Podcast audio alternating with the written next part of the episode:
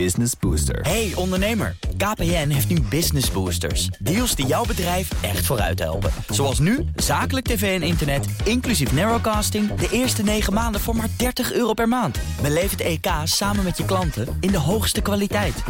Kijk op kpn.com slash businessbooster. Business Booster. BNR Nieuwsradio.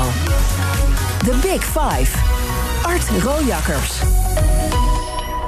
Welkom bij BNR's Big Five van de tweede golf. De zomer is voorbij, de aantallen besmettingen lopen weer op. Hoe om te gaan met de pandemie, daarover hebben we deze week. Vandaag de gast Marion Koopmans, hoogleraar virologie... aan het Erasmus MC en lid van het Outbreak Management Team, het OMT.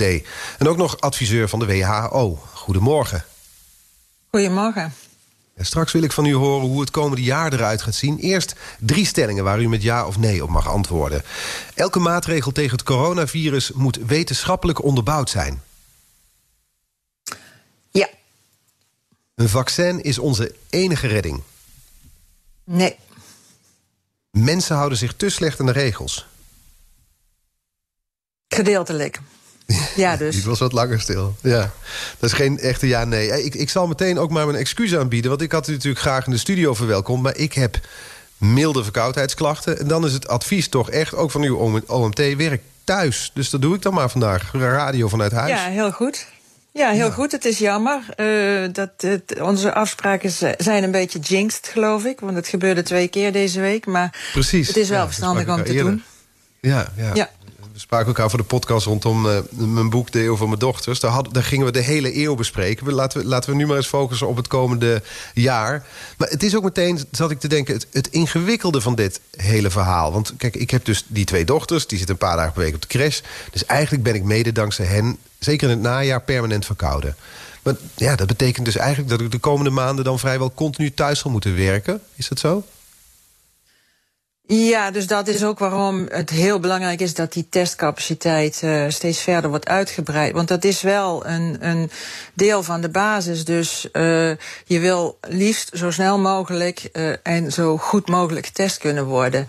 En hoe dichter bij huis dat kan en hoe sneller, hoe beter natuurlijk. Want we gaan dit het komende winter wel veel zien. Ja. Ja, en deze her herfst en winter inderdaad. Want het geldt natuurlijk niet alleen voor mij, maar voor veel mensen. Het is het, het, is het snottenseizoen. Dus dat maakt deze tweede golf, lijkt mij, dan ook meteen ingewikkelder... dan die in toch het redelijke zonnige voorjaar. Dat klopt. Dus de, de, je krijgt nu het hele pakket uh, wintervirussen in feite wat eraan zit te komen. Uh, en we zien elk uh, najaar dat de aantallen mensen met verkoudheden en, en griepachtige klachten toenemen. We verwachten wel dat de maatregelen ook daar een effect op hebben. Dat hebben we in Australië gezien. Dus daar is in feite de, de, de jaarlijkse grieppiek die is vrijwel uitgebleven. Dus uh, hoe het precies uit gaat pakken, dat, uh, ja, dat gaan we zien.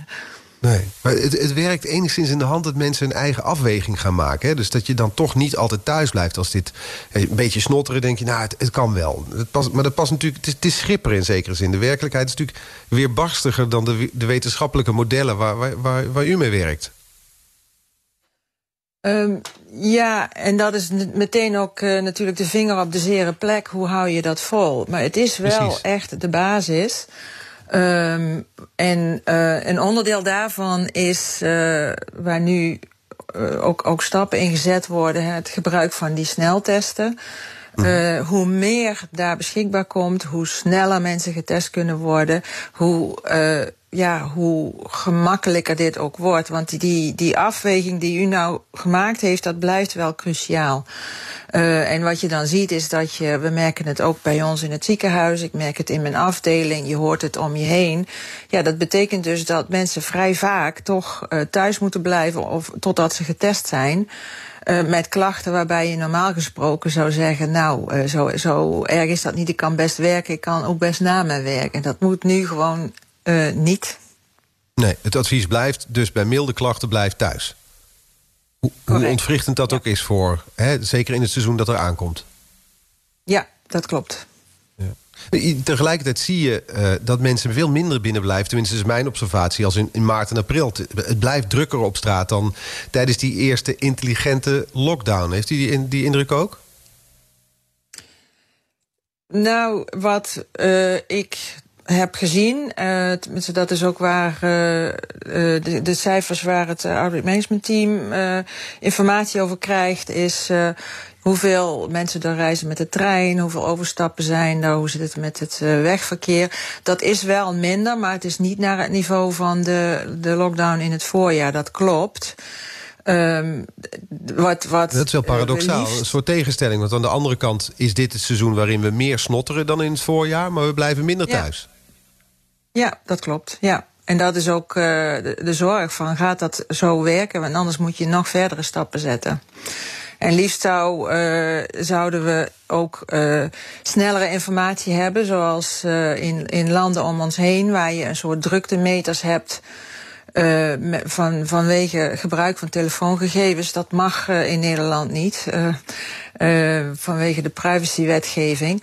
maar je hebt eigenlijk dat soort indicatoren nodig. Zodat je, zodat je sneller kunt zien van hé, hey, waar zitten de risico's en, en neem ik nu die risico's.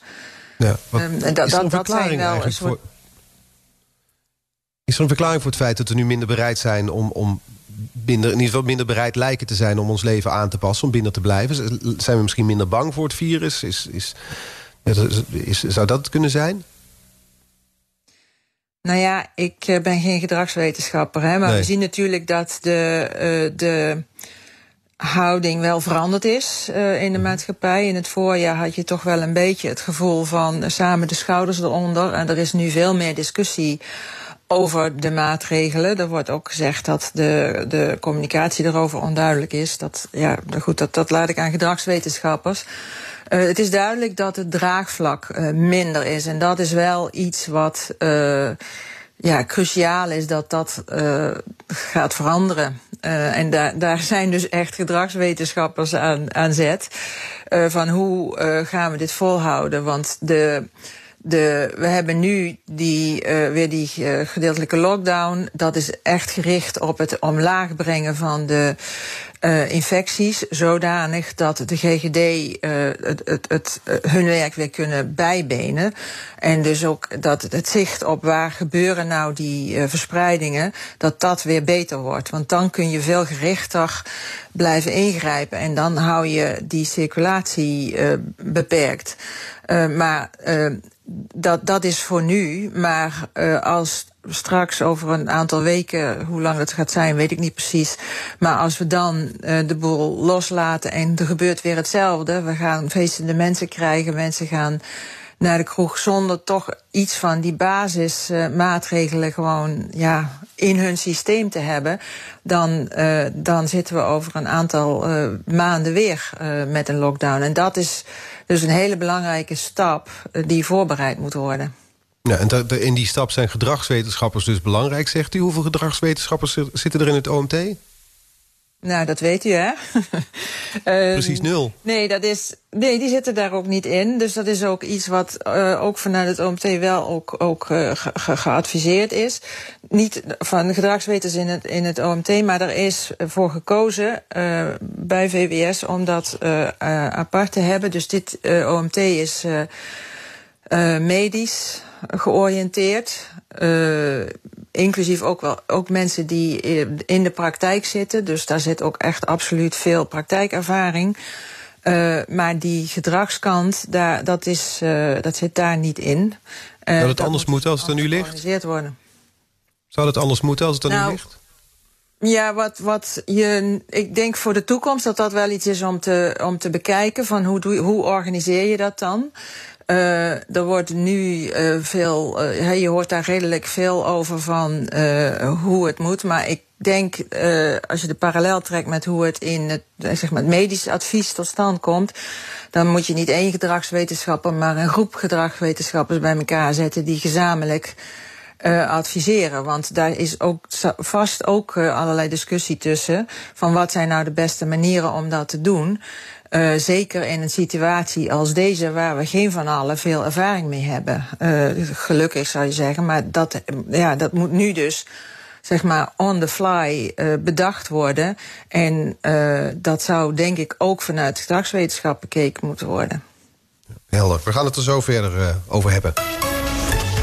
The Big Five. The Big Five. Art Rojakkers. Deze week vijf kopstukken over de tweede golf. Eerder deze week hoorde je al sociaal psycholoog Naomi Ellemers... hoogleraar besturen van veiligheid Ira Helsloot... en oud-hoofdinspecteur gezondheidszorg en lid van het Red Team Wim Schellekes.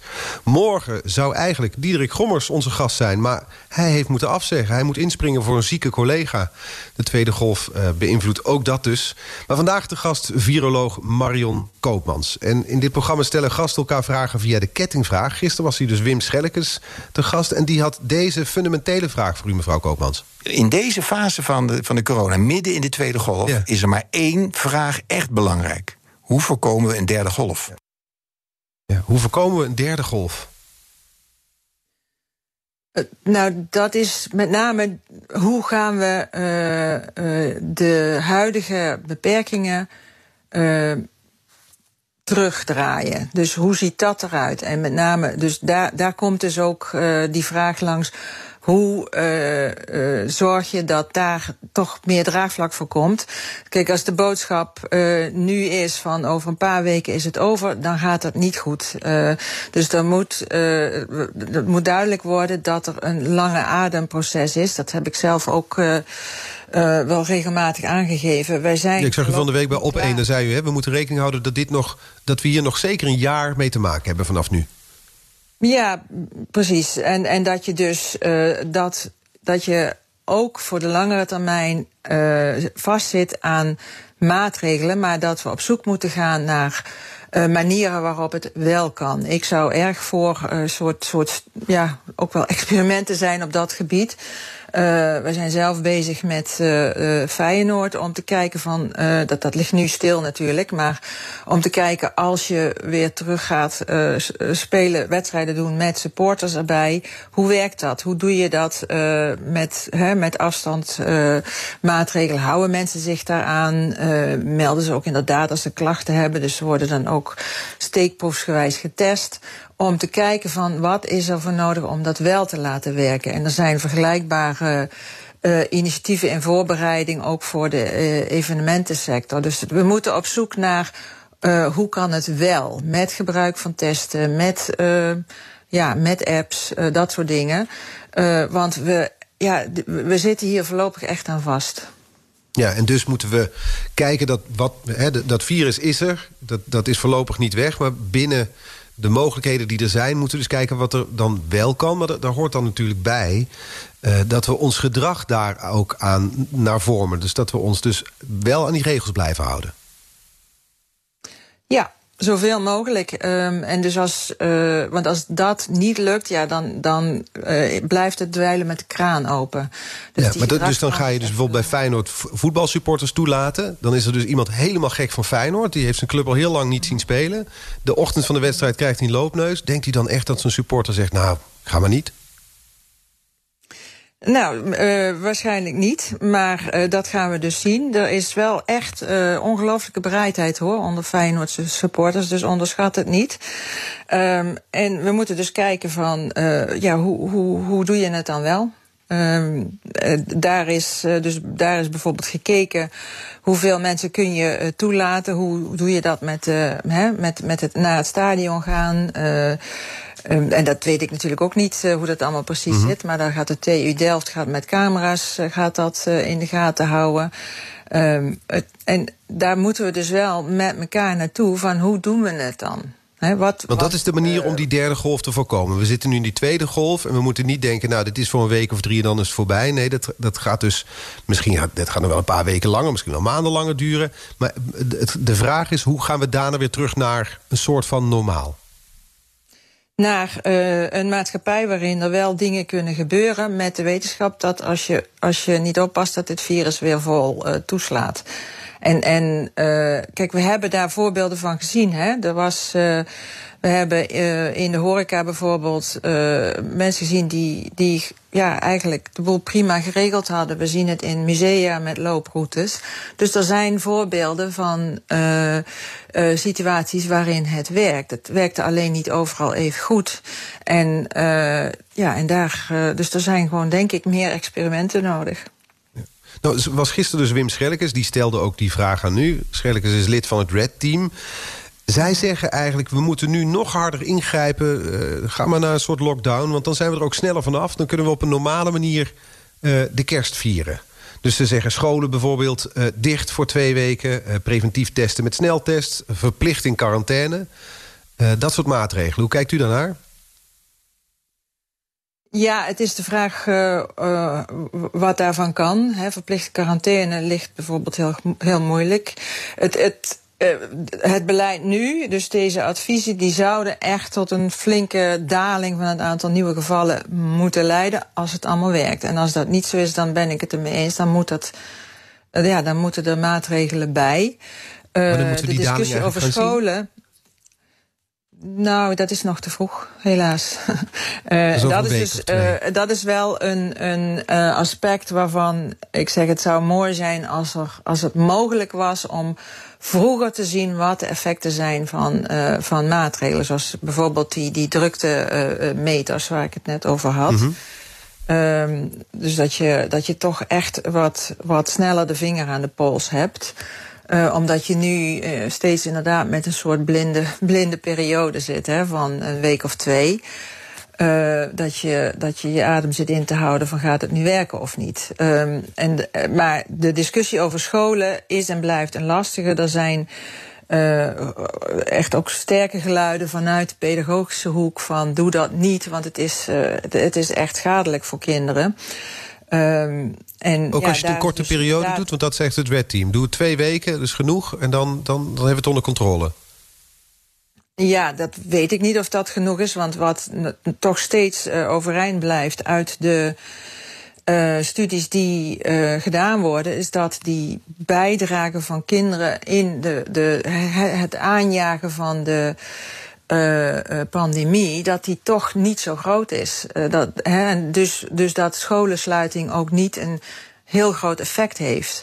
Want, en dat is het lastige. Dus je, je probeert te kijken naar, dat, dat is wat uh, het OMT ook voorschoteld krijgt, hè, van uh, er zijn uh, allerlei verschillende maatregelen nodig en op grond van de kennis over de verspreiding van dit virus wordt uh, een, een schatting gemaakt van hoe groot zou het effect zijn van scholensluiting, van de horecasluiting, van nou ja, het, thuiswerken. Uh, daar zitten allerlei berekeningen achter. En dat pakket, dat geeft dan dus een pakket aan uh, maatregelen waarvan je zegt als je dit en dit en dit en dit allemaal doet, dan is het verwachte effect uh, op die verspreiding zo groot. Ja. Uh, dat, is natuurlijk nooit zeker. Dat, uh, dat zijn modellen niet, maar dat is hoe het werkt. En daarin is becijferd dat het sluiten van de scholen echt niet zo'n heel groot effect heeft. En daar komt dan de vraag bij, ook van kinderartsen die heel sterk bepleiten om die kinderen wel naar school te laten gaan. Dat is dan zo'n afweging. Nou, dat is de afweging als het gaat om scholen. Een ander heet hangijzer waar we maanden rondomheen gedanst hebben met z'n allen waren die mondkapjes. Ik begon met drie stellingen en een daarvan was elke maatregel tegen het coronavirus moet wetenschappelijk onderbouwd zijn. Daarop zei u ja. Dat was bij die mondkapjes natuurlijk een, een eindeloze, uh, uh, nou ja, niet alleen ja, een eindeloze discussie was het. Hebben ze nou zin? Hebben ze geen zin? En uiteindelijk schuif je dan toch naar zo'n zo'n maatregel toe. Hoe, hoe kijkt u op die hele discussie terug? Nou ja, ik denk dat die te lang heeft geduurd. Maar het is, uh, uh, het is wel hoe, hoe het werkt. Hè. Dus er is gekeken naar uh, wat zou het effect zijn van mondkapjes. dus die, het is niet zo dat die mondmaskers niets doen, dat is duidelijk. Maar het is een, van, één in een rijtje van maatregelen. En in dat rijtje van maatregelen staat staat die ver, verder naar beneden dan bijvoorbeeld afstand houden, drukte vermijden, thuisblijven met klachten, dat soort dingen. Uh, en dus vanuit die inhoudelijke advisering is gezegd, die mondmaskers die, ja, wat ze vooral doen, de, is uh, als iemand met de infectie, uh, met symptomen blijft rondlopen, is daar uh, zeg maar, ervoor zorgen dat die mensen minder verspreiden. Uh, de boodschap die vanuit. En dat is wel echt zo. Want de, de, het verhaal is dan dat er een verschil is tussen medische mondkapjes en de mondkapjes die wij. de mondmaskers die wij op straat dragen. Die, die voor consumenten. Ik zag afgelopen weekend in de uitzending van Kassa. die hadden dan een test gedaan voor mondmaskers. Die zeggen ja, in veel gevallen toch slechts schijnveiligheid. omdat ze aan alle kanten lekken. Uh, Of dat er zelfs iets door de stof heen komt. Dus met andere woorden, het, het blijft een beetje... Ja, het, blijft voor de gemiddelde nieuwsconsument... of de gemiddelde burger, daar reken ik me uh, toe... Ik, ik raak dan van in de war. Ik denk dan, ja, wat, wat moet ik er nou mee? Ja, maar dat is dus ook precies dat, dilemma, die discussie die wij ook hebben gehad. Want uh, er is wel een effect, maar dat hangt erg vanaf welke uh, niet-medische mondmaskers je hebt. Er zitten grote verschillen tussen. Dus het is een klein beetje. En als dan het effect is van we zetten een mondmasker op en dan hoeven we geen drukte te vermijden, dan, dan doe je meer kwaad dan goed. En dat was voor een, op een gegeven moment ook een oproep hè, vanuit. Uh, er waren burgemeesters die zeiden: Het is hier zo druk in die winkelstraten, uh, dat kunnen we niet tegenhouden. Doe alsjeblieft mondmaskersplicht. Ja, dan heb je vanuit de, zeg maar, de, de, het redeneren vanuit virusverspreiding.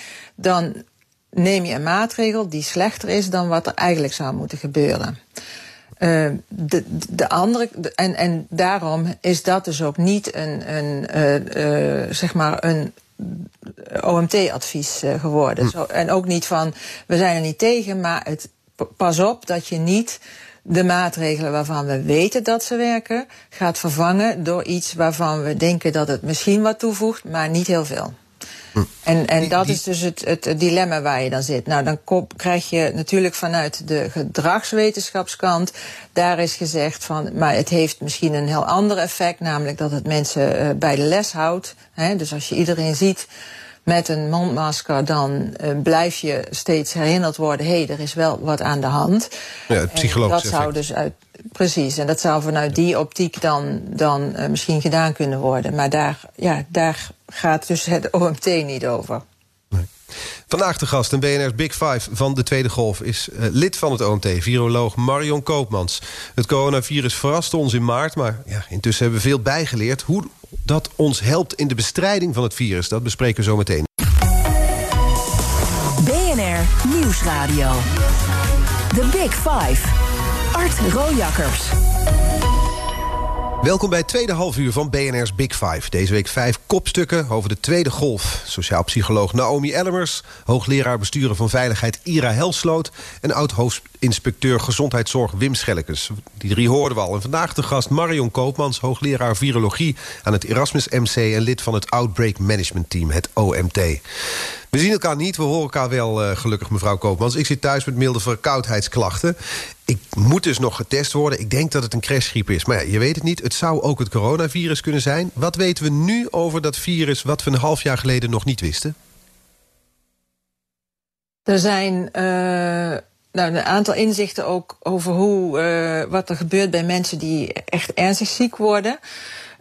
Eén daarvan, dat was iets wat we al kenden van het SARS-virus. Namelijk dat er uh, bij een deel van de mensen een soort overreactie uh, ontstaat van het uh, immuunsysteem. Waardoor precies weten we niet, maar waardoor dat zich eigenlijk uh, nou, tegen ons keert. En daar is nu ook van gebleken dat als je die mensen behandelt met dexamethason, dat is een bepaald ontstekingsonderdrukkend middel, dat die dan ook echt uh, beter af zijn. Dat is een deel. Maar een ander deel, en dat is echt nieuw, is dat uh, uh, bij een deel van de patiënten er iets misgaat met de stolling. Die krijgen allerlei stolsels in de longen, maar ook elders in het lichaam. Soms in, ja, bij, bij het hart, in de, in de uh, uh, hersenen, in de benen. En uh, hoe dat werkt uh, wordt nog uh, onderzocht. Maar ook daarvoor is nu dus een behandeling bedacht... dat je veel vroeger dan je anders zou doen... mensen aan de bloedverdunners zet. Ja, dus de kans dus dat zijn genezing... twee... Ja, dus dat, dat zijn de twee dingen nu groter die... is dan, de, dan die in maart? Zeker, ja. Dus de, dat, maar niet, uh, dat is niet een, een, een uh, verschil tussen. Het is niet zo dat mensen dan helemaal niet meer uh, ernstig ziek worden. Maar we zien een effect op de kans op overlijden. Dus die, dat, dat, dat wordt lager. Maar dat, dat neemt niet weg dat mensen nog steeds een behoorlijk ernstige longontsteking kunnen krijgen met lange termijn effecten. En dat er ook steeds meer duidelijk wordt van langere termijn effecten op, uh, uh, uh, op bijvoorbeeld de hartfunctie. Laten we wat feiten en fabels uit elkaar proberen te houden. Dat, dat doet Jurgen Rijman altijd in het programma dat hierna komt. -huh. Uh -huh. Laten we dat even naar dit programma kopiëren. Eén, ja. De eerste, de kans dat je besmekt raakt als je buiten loopt is, is heel klein. Is dat een feit of een fabel? Dat, ik, ik zou hem willen omformuleren, is kleiner dan binnen, maar is niet nul. Nee. Weten we wel hoe groot hij wel is? Nee, dat, dat zijn geen cijfers op te plakken waarschijnlijk. Nee, dat is, uh, want, want wat is buiten? Hè? Buiten is uh, in je eentje door het bos lopen. Buiten is ook uh, in een hele drukke winkelstraat hè?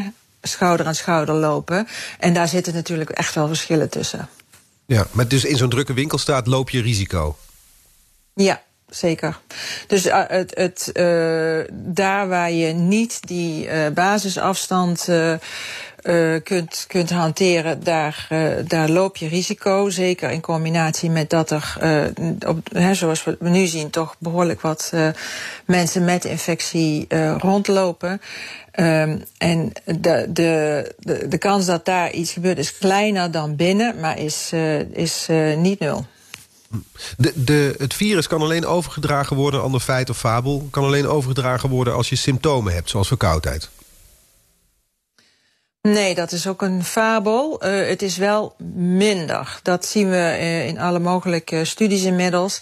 Dus mensen met klachten die produceren ook, als je hoest, als je niest dan, dan produceer je ook natuurlijk uh, meer druppels met virus erin. Uh, dus de kans dat je dan verspreidt, die is duidelijk groter. Wat we zien is dat dat uh, ook al wel duidelijk toeneemt bij mensen net voordat ze klachten krijgen. Of dat is omdat ze dan misschien milde symptomen hebben, dat weten we niet. Maar mensen met klachten die verspreiden meer. Uh, maar onder bepaalde omstandigheden kunnen ook mensen zonder klachten wel degelijk uh, uh, het virus verspreiden. Ja, want er was van, vandaag wat te doen over mensen die dan positief testen en dan maar geen symptomen hebben. Die zouden misschien niet zo lang in quarantaine hoeven. Maar dan zegt, dan zegt u en, en collega's van het OMT van jawel, hou die quarantaineplicht vol. Ook al heb je geen klachten. Nou, dat is een van die dingen waar naar gekeken moet worden. Het de huidige uh, adviezen gaan er vanuit van als je iedereen met klachten in ieder geval zorgt dat die uh, thuis blijven, dan is dat effect uh, groot genoeg om echt deze verspreiding bij te buigen. maar als je echt alles wil doen, dan zou je dus, nou ja, dan zou je dat voor, voor iedereen die positief test moet laten gelden. Dat is natuurlijk ook wat bijvoorbeeld in in China is gedaan. Maar dat heeft wel, uh, ja, dat, dat grijpt behoorlijk in. Uh, ja. Het heeft alles te maken met, uh, dat is niet nodig. Dus er is echt wel overeenstemming dat als mensen, zelfs als ze het virus bij zich dragen, maar geen klachten hebben, zich aan die maatregelen houden, dan dragen zij nauwelijks bij aan verspreiding. Dus dan kan het. Maar als we zien dat die maatregelen niet gevolgd worden, ja, dan moet je misschien wat, wat anders doen. Hm. Nog een feit of fabel. Aerosolen spelen een rol bij de overdracht van het virus. Uh, ja, dat is zo. Dat is uh, bijvoorbeeld in uh, ziekenhuizen waar dingen worden gedaan waarbij aerosolen zeg maar, toenemen. Bijvoorbeeld je zuigt keel uit of, of dat soort dingen. dat zijn de aerosolvormende handelingen. Daarvan is bekend dat dat een verspreidingsrisico heeft. De discussie gaat wat meer over uh, spelen de aerosolen gewoon ook bij, uh, bij u en mij uh, in de thuissituatie of in, in kroegen of dat soort dingen een rol. Ja. Um, dus daar en iets over te zeggen?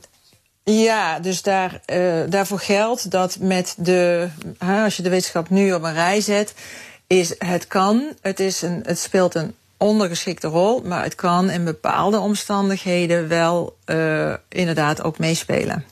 En die bepaalde omstandigheden, wat we nu uh, zien, is dat er. Uh, als je 100 mensen hebt met de infectie, dan zit een enorm groot verschil in hoeveel virus mensen produceren. Dus je hebt een soort gemiddelde, maar er zitten uitschieters in. Mensen die misschien wel duizend keer zoveel virus produceren dan die gemiddelde. Ja, als er zo iemand tussen zit, dan, dan heb je kans dat ook via het, het gewone uh, praten, zingen, waarbij er, meer aerosolen worden gegenereerd, dat dat, dat dat tot verspreiding leidt. Ja, ja. Weten we eigenlijk al waarom dit virus dan bij de een de eigenschappen heeft van een mild griepje, een verkoudheid, het koortsig, en dat de andere zwaar aan de beademing moet? Uh, nou ja, er zijn uh, wel wat inzichten. Het heeft in ieder geval te maken met de hele vroege uh, afweer op, op deze infectie. Er lijken nu wat gegevens vrij te komen. Ik hoorde een verhaal waarbij dat in het laboratorium is onderzocht. Als je kijkt naar de neus, cellen in de neus van kinderen en volwassenen uh, dan zijn die in de neus van kinderen veel, uh, nou ja, uh, die, die kunnen die infectie eigenlijk al onderdrukken voordat, voordat het tot, tot volledige infectie komt. Dat is veel, veel sneller dan cellen van volwassenen. En dat is dus, dus de zogenaamde innate afweer. Dat is een deel van onze afweer uh, die uh, ja, bij sommige mensen dus gewoon beter werkt dan bij anderen. Daar zit een, sch een schakel. En we zien dat sommige mensen uh, al iets van een immuniteit hebben voor, door, door, doordat ze blootgesteld waren aan andere coronavirussen. Daarvan wordt gedacht dat dat misschien ook nog een rol speelt. Maar hoe dat precies zit, dat moet nog duidelijk worden. Het zou zo fijn zijn uh, en prettig voor, voor, voor ons allemaal... als het van tevoren te voorspellen zou zijn. Hè? We werken nu met risicogroepen, de kwetsbaren, de ouderen. Ja. Ja. Daar is het gevaarlijker voor. Maar als het bijna op individueel niveau te zeggen zou zijn... dus dat, dat je genetisch gezien kan zeggen... Ja. nou, voor jou is minder gevaarlijk. Ja, dat klopt. Dat is een heel uh, uh, groot onderzoeksgebied. Dat heet personalized medicine... Uh, want het geldt voor heel veel ziektes. Hè? Dat, uh, mm -hmm. Hoe beter je zou weten dat van kijk, als jij het krijgt, dan heb je dit risico. Als jij het krijgt, heb je dat risico. Dat gebeurt bijvoorbeeld al wel met uh, uh, genenonderzoek. Hè? Bijvoorbeeld bij bepaalde gevoeligheid voor bepaalde kankers. Uh, maar daar weten we voor die infecties echt nog te weinig van. Het zou, het zou uh, mooi zijn, maar dat is nog echt uh, dat is toekomstmuziek. En dat wat we wel weten, dus de, de, de, stappen die nu gezet zijn... dit afgelopen half jaar, brengt ons dat dichter bij een oplossing? Bijvoorbeeld bij een behandeling of bij een medicijn? Nou, die behandeling, daar zijn echt wel stappen gezet. Hè? Daar hadden we het uh, daarnet over. Dus ja, door maar dat is onderdrukkend in... nog. Hè? Het, is, het is geen medicijn, je wordt er niet door genezen. Je wordt niet genezen. Dus de echte genezingen, dus de, als je het hebt over iets wat het virus zelf aanpakt, daar zijn uh, eigenlijk nog geen echte successen uh, te melden. Dat was uh, aanvankelijk wel het geluid met een bepaald geneesmiddel tegen, tegen HIV. Ehm, maar dat blijkt toch onvoldoende te werken. Maar dat heeft vooral ook te maken met wanneer geef je dat eigenlijk? Kijk, dat, dat weten we van die antivirale uh, behandelingen, dat geldt voor griep bijvoorbeeld ook, uh, die moet je eigenlijk heel vroeg geven. Uh, wil je een effect zien. Dus wil je echt zien dat die behandeling uh, de virus, uh, het virus onderdrukt. En het probleem met deze infectie is dat die eerste fase, de eerste week ongeveer, zo mild is dat, dat mensen niet bij, hè, bij een huisarts zitten wanneer je die behandeling zou kunnen starten. Dus en in die tweede week dan ben je eigenlijk al te laat. Daar lijkt het nu op. dat betekent dus wel over... ook ja. Toen zaten we door elkaar heen. Dat is dus de, de makken van elkaar niet zien en allebei op afstand zitten. Ik wilde zeggen, we gaan het zo hebben over de ontwikkeling van het vaccin. Want ik begon met die stellingen. Toen zei u, onze enige redding, onze, een vaccin is onze enige redding. Toen zei u nee. Ik ben benieuwd nou ja, wanneer dat vaccin dan komt en hoe dat eruit ziet. Maar nu eerst naar Jurgen Rijman. BNR Nieuwsradio. The Big Five. Art Rojakkers. Ja, vandaag de gast in BNR's Big Five van de tweede golf... viroloog Marion Koopmans. Uh, dat vaccin, daar moeten we het maar eens even over hebben. Want ik vroeg aan het begin van de uitzending... is dat onze enige redding? Toen zei u nee. Nee, en ik zeg dat omdat uh, we niet de illusie moeten hebben dat als er een vaccin is, dat dan alles uh, over is. Uh, er worden uh, meerdere vaccins ontwikkeld. Ik ga er zelf wel vanuit dat er ook uh, vaccins ook, zeg maar op de markt gaan komen. Maar dat zal langzaam maar zeker opgebouwd worden. Dat zal niet meteen genoeg zijn voor iedereen. En ik verwacht ook niet dat die vaccins meteen heel erg goed gaan werken. Dus de, de, het meest logische is dat vaccins erbij komen als iets, als een van de maatregelen die je kunt nemen. En dat je dat, dat je, dus hoe meer je kunt vaccineren en hoe gerichter je kunt vaccineren. Um, ja, dan, dan, dan, kan er, dan ontstaat er ergens anders ruimte, maar het, uh, het, het zal. Dus niet het wondermiddel waar sommige, nou veel mensen, waaronder ik, op hopen. Nou ja, het is uh, absoluut belangrijk dat die vaccins er komen. Maar uh, ik uh, geef even een winstwaarschuwing. Het zal echt geleidelijk zijn. Het is niet. je kunt niet verwachten van vanaf, nou, laten we zeggen, maart is er een vaccin. In maart wordt iedereen gevaccineerd en gaan we terug naar business as usual. Dat is echt, dat is niet realistisch. Wat is wel realistisch? Wanneer komen die vaccins? Is dat inderdaad in maart? Dat zou kunnen, uh, maar het blijft. Uh, ze zitten in, er zitten meerdere vaccins nu in uh, de derde fase van, van studies die nodig zijn om te kijken hoe ze werken en of ze veilig zijn en of ze ook effect hebben. Um, ik verwacht dat er daar wel één of twee uit gaan komen die inderdaad blijken te voldoen. Nou, mm laat dat maart zijn, optimistisch gezegd, dan, uh, ja, dan, dan gaat er dus de eerste batches beschikbaar komen. Maar dat gaat zeker niet genoeg zijn voor, voor iedereen die dat nodig heeft. En dan heb je nog de vraag, gaan die vaccins ook goed werken bij bijvoorbeeld die, juist die kwetsbare groepen die het haast nodig hebben. Want we weten van veel vaccins dat die kijk, uh, het prima doen bij verder gezonde mensen.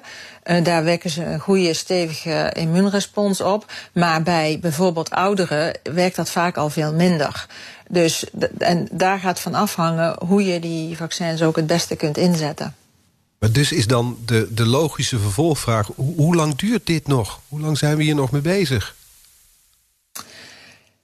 Ja, um, ja, ja dat is dus een hele lastige. Ja, precies. Um, de uh, meest waarschijnlijk is dat dit blijft door uh, circuleren, dat er uh, vaccins bijkomen, waardoor je inderdaad die voor bij een deel van de mensen die het meeste risico hebben, die immuniteit kunt opwekken.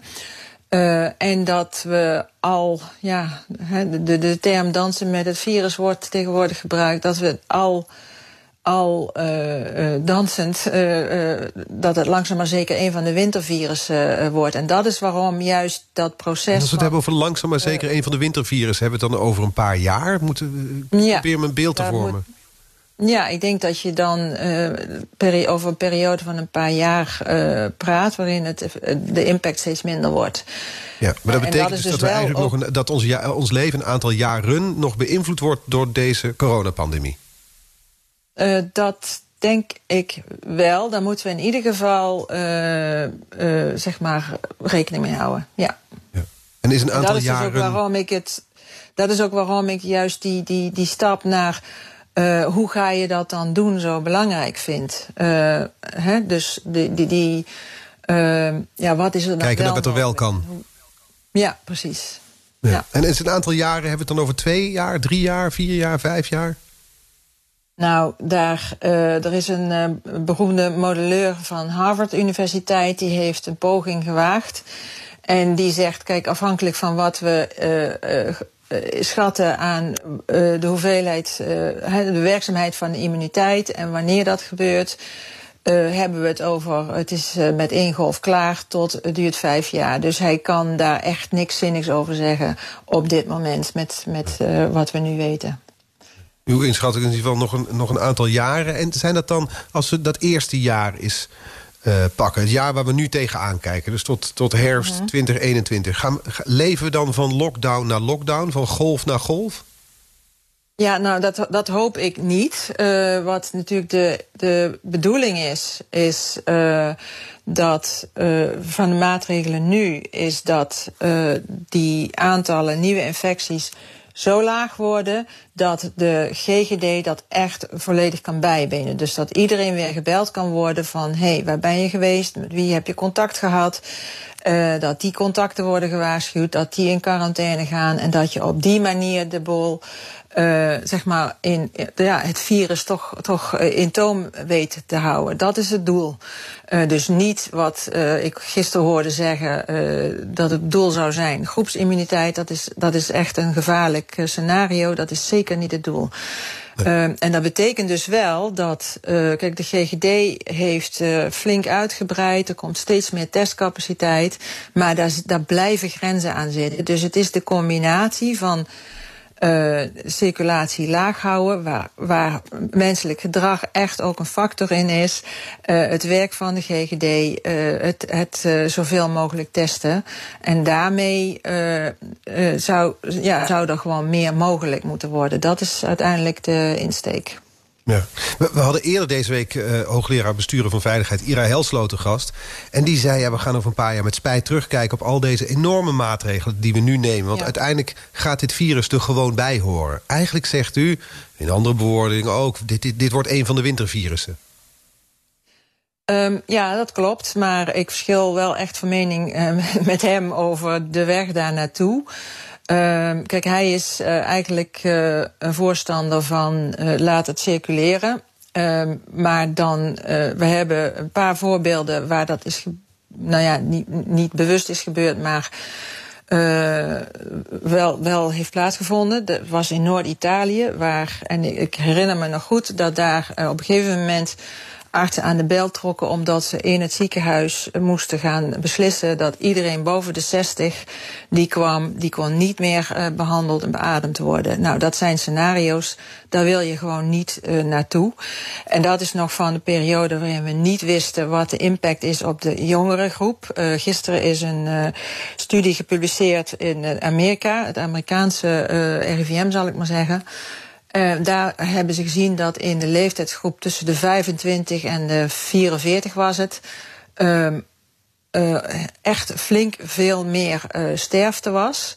En dat zijn ook de groepen waarin dat beeld van uh, chronische COVID-klachten gezien wordt, waar we nog heel weinig van weten. Dus de, de, het scenario wat, wat professor Helsloot voor uh, stelt, dat zou gepaard gaan met heel veel uh, sterfte en heel veel mensen met langdurige chronische infectie. Uh, en dat, ja, dat vind ik niet een wenselijke route.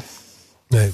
In, in dit programma stellen gasten elkaar een kettingvraag. Nou, nou is het wonderlijke fenomeen doet zich voor dat we morgen hier dus Diederik Gommers te gast zouden hebben.